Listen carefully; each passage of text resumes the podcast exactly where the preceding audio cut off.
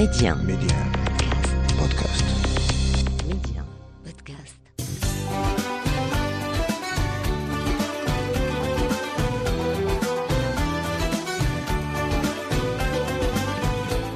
مرحبا واهلا بكم من جديد في للا بلادي أرض الخير والخصب والبركة، تعرفون تاريخ المغرب ومآثره وأطباقه وتقاليده وكل مكامن الجمال والثقافة التي تزخر بها المملكة، لكن في للا بلادي أيضا هناك تراث شعبي متعدد الألوان يخفي ذاكرة غنية بالقصص والأمثال والحكايات والعبرة، نسمع عنها الكثير لكن ربما لا يعرفها الجميع.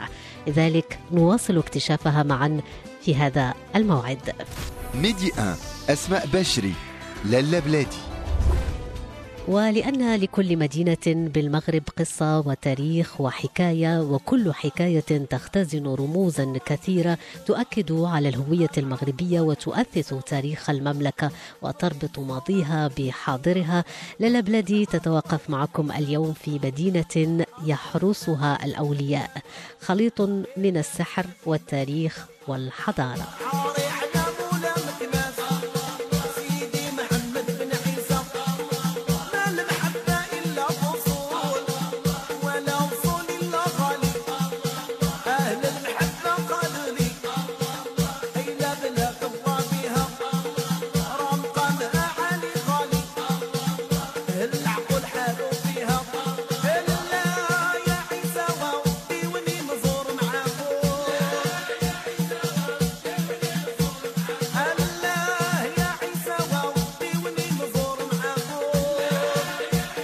مكناس إذا هي محطتنا اليوم وأصل اسم مدينة مكناس تعددت الروايات حوله.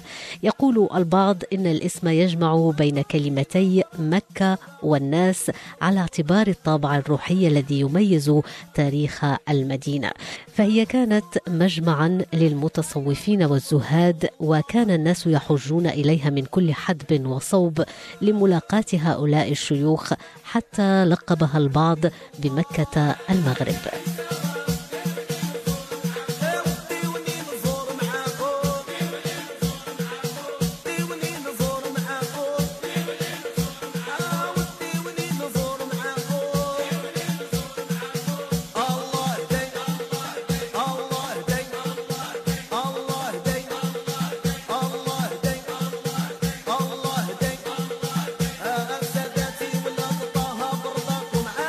إذا كانت بلاد المشرق هي بلاد الرسل والأنبياء فإن بلاد المغرب هي أرض الصالحين والأولياء.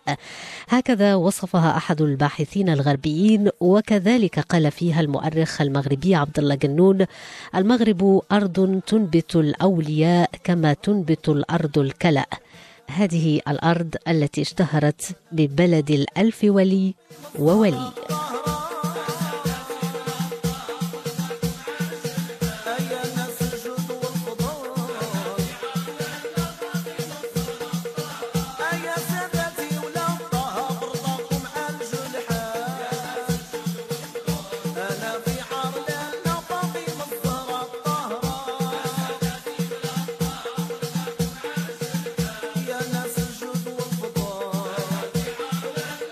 زوايا وطرق نصوفية تجاوزت الروحانيات لتلعب أدوارا اجتماعية وسياسية وسيكولوجية في حياة الإنسان المغربي قديما وحديثا. كما يحدثنا اليوم رئيس جمعية روح التراث الصوفي للمديح والسماع الأستاذ معاد شبيهي.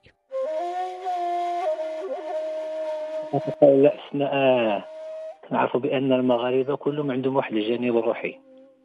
وكيف ما تنقولوا كما تيقولوا الشيوخ ديالنا كاينة العين والغين كاين الحقيقة والشريعة. الحقيقة ديال الله سبحانه وتعالى الشريعة ديال الرسول صلى الله عليه وسلم. يعني المغرب بلد إسلامي وكما جات في المراجع التاريخية يعني حتى المغاربة في عهد العسفيين كما ذكرنا قبل كانوا كانوا تيكون ذاك عيد النيروز كما تيقولوا أو أعياد المسيحية. والمغاربه أو العرب اللي كانوا في المغرب أو في شمال أو في الجنوب ديال الأندلس كانوا ما تلقاو شي شنو شي عيد اللي غادي يفرحوا به من غير العيد العيد ديال العيد الأضحى أو كيعطيو العيد اللي تيجي العيد الصغير كما تنقولوا حنا ديال بعد بعد شهر رمضان. فاقترحوا هاد الناس هادو بانهم يخصوا العيد المولد النبوي حتى هو يديروا له فرحة لأنه واعي سيد الوجود صلى الله عليه وسلم. ثم كانوا الزوايا نعم سيدي ضربوا واحد هما لعبوا واحد الدور كبير. من حيث آه، آه، تيجمعوا الشيوخ ديال الزوايا وتيجمعوا آه، الناس اللي كانوا كبار القوم انذاك لأنهم اللي كانوا تيتعاطوا اكثريه لهذا لهذا الفن هذا. مخصص في الزاويه ومن بعد تيخرج تينتشر إلى وصلنا حتى الوقت ديالنا هذا إن شاء الله الرحمن الرحيم باش ولات الزاوية يعني تقلص ذاك الدور ديالها ما بقاش دور الزاوية ولاو المعاهد ولاو منشآت أخرى اللي كتلعب هذا الدور هذا. هي فاش نشأ المديح والسماع والمديح كل ما يمدح به رسول الله صلى الله عليه وسلم وفي السماع كل ما يتعلق بالحضرة الإلهية.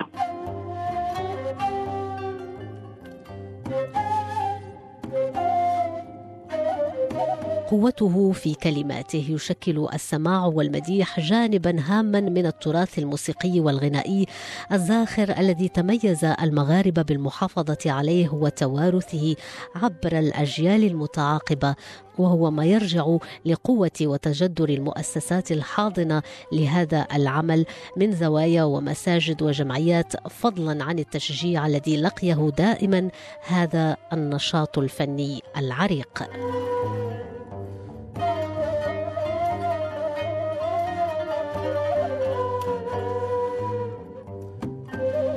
بالنسبة لمدينة مكناس من حيث التراث الصوفي اللامادي الذي حظيت به العاصمة الإسماعيلية. ففي الحقيقة هادشي كله راجع الفضل ديالو للقطب الواضح سيدي عبد القادر العالمي المزداد سنة 1742 بمدينة مكناس والمتوفى سنة 1850 ميلادية. وهذا الولي الصالح هو في الحقيقة من أكثر الشعراء المغاربة شهرة حيث اشتهر كذلك بالزهد ديالو والورع ديالو فهو آه، سيدي عبد القادر بن محمد بن أحمد بن أبي قاسم الإدريسي العالمي الحمداني. والنسب ديالو تيرجع للقطب الواضح آه، مولاي عبد السلام بن مشيش فيه جبل العالم. الشمال المغربي أحد حفظات المولى إدريس أكبر رضي الله عنه وأرضاه. وبحيث أنا سيدي عبد القادر العالمي آه، هو صاحب الزاوية المشهورة تحت اسم الزاوية العالمية الدائعة الصيت وكيف ما قلنا فله عدة مؤلفات وله قصائد ملحونة مشهورة مثل قصيدة ديال التوسل وغيرها. والديوان ديالو الإشارة فقط.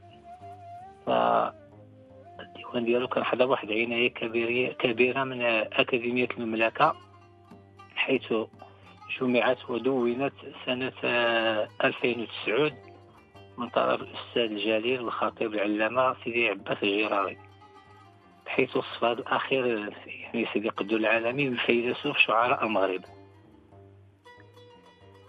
ولتمنى كذلك حق هذا الشيخ هذا أنه يدرس التاريخ ديالو. آه، قلت عن الزهد ديالو الحياة ديالو الجوال ديالو ومقامه كذا إقامته كذلك مدينة مراكش وكراماته التي لا تعد ولا تحصى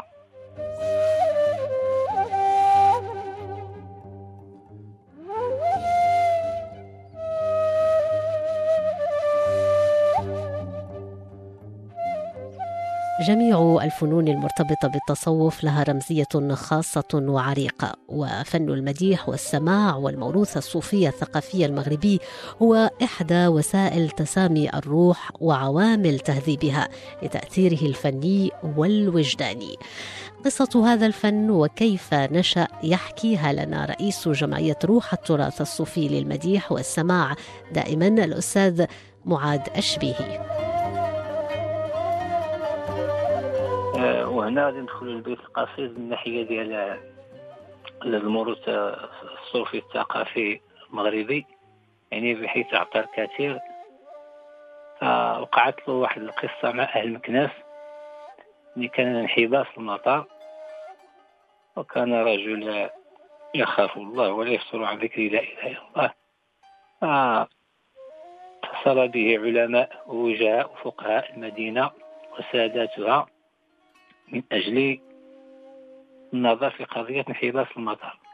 فأشار إليهم بالذهاب إلى مدينة الفاتح الأكبر والقطب الأشهر مولانا إدريس بن عبد الله الكامل ابن الحسن المثنى بن الحسن الصبت ابن علي وفاطمة بنت رسول الله صلى الله عليه وسلم.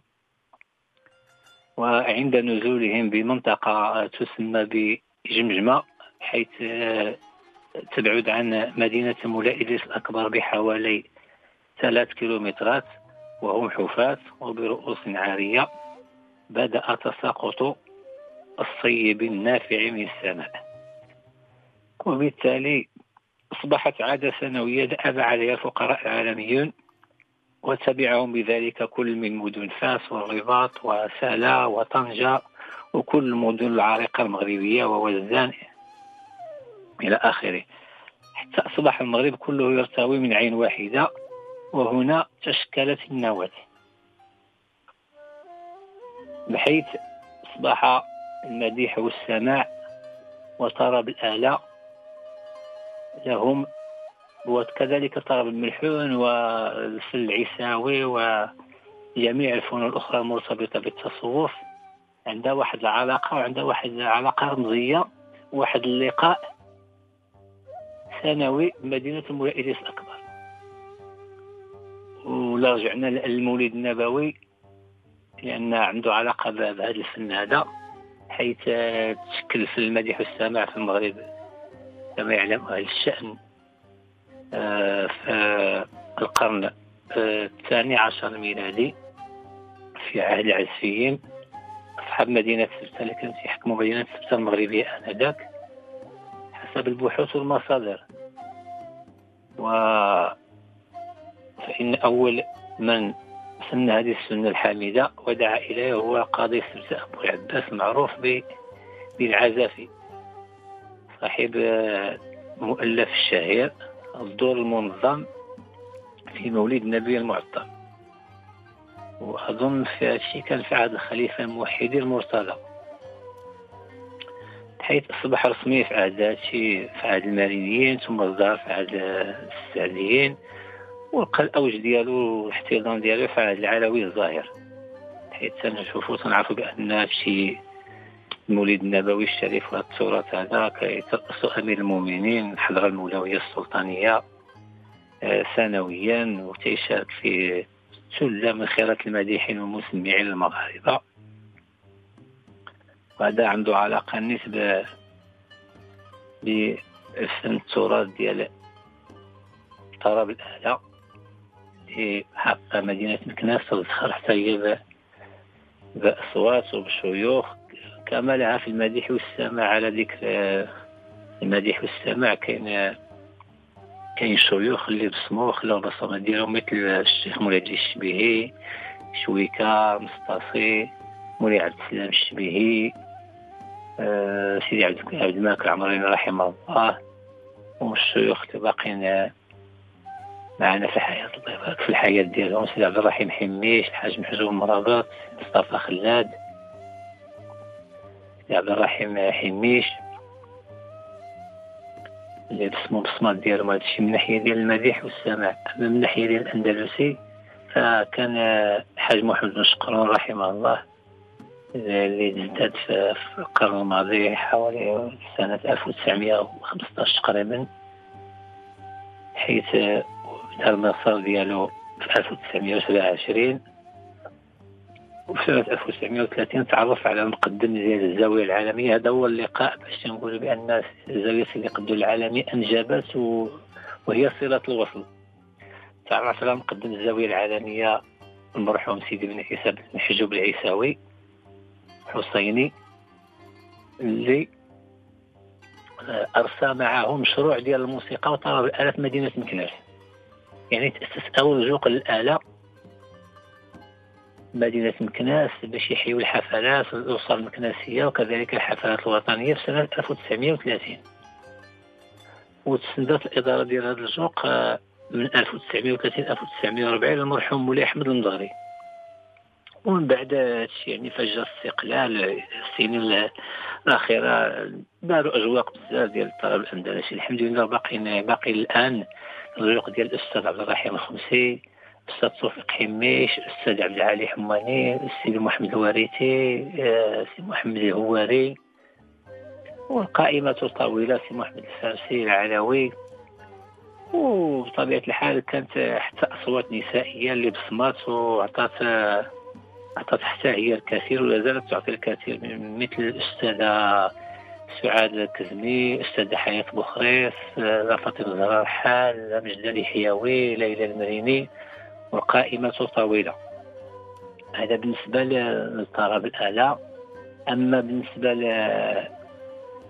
للفن فن الملحون ففن الملحون مدينة مكناس كاين كما يقال شيخ النظم عراب في الملحون الحاج أحمد أبومي وكذلك الشيخ الحافظ الصوت السرجي حاج حسين التولالي رحمه الله اللي عطاو الكثير مدينة مكناس. وكاين شيوخ كثر آه الوقت لا يسع لذكرهم من الناحية ديال المجددين واللي خداو المشعل كاين سيدي سعيد المفتاحي كاين سيدي عبد الله الرمضاني سيدي عبد اللطيف التويار سيدي محمد عبد اللهوي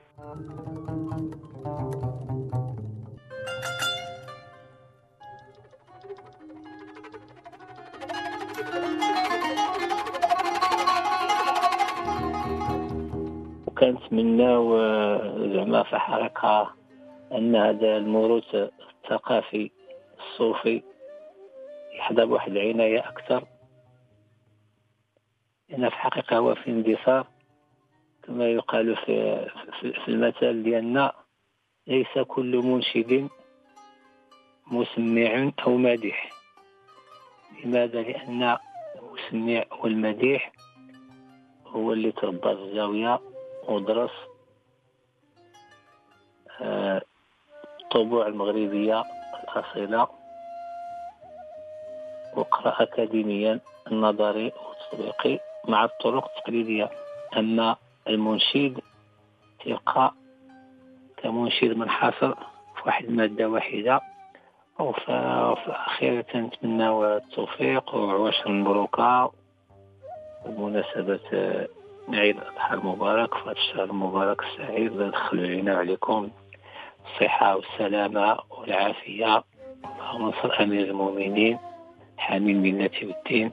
والسلام عليكم ورحمة الله تعالى وبركاته.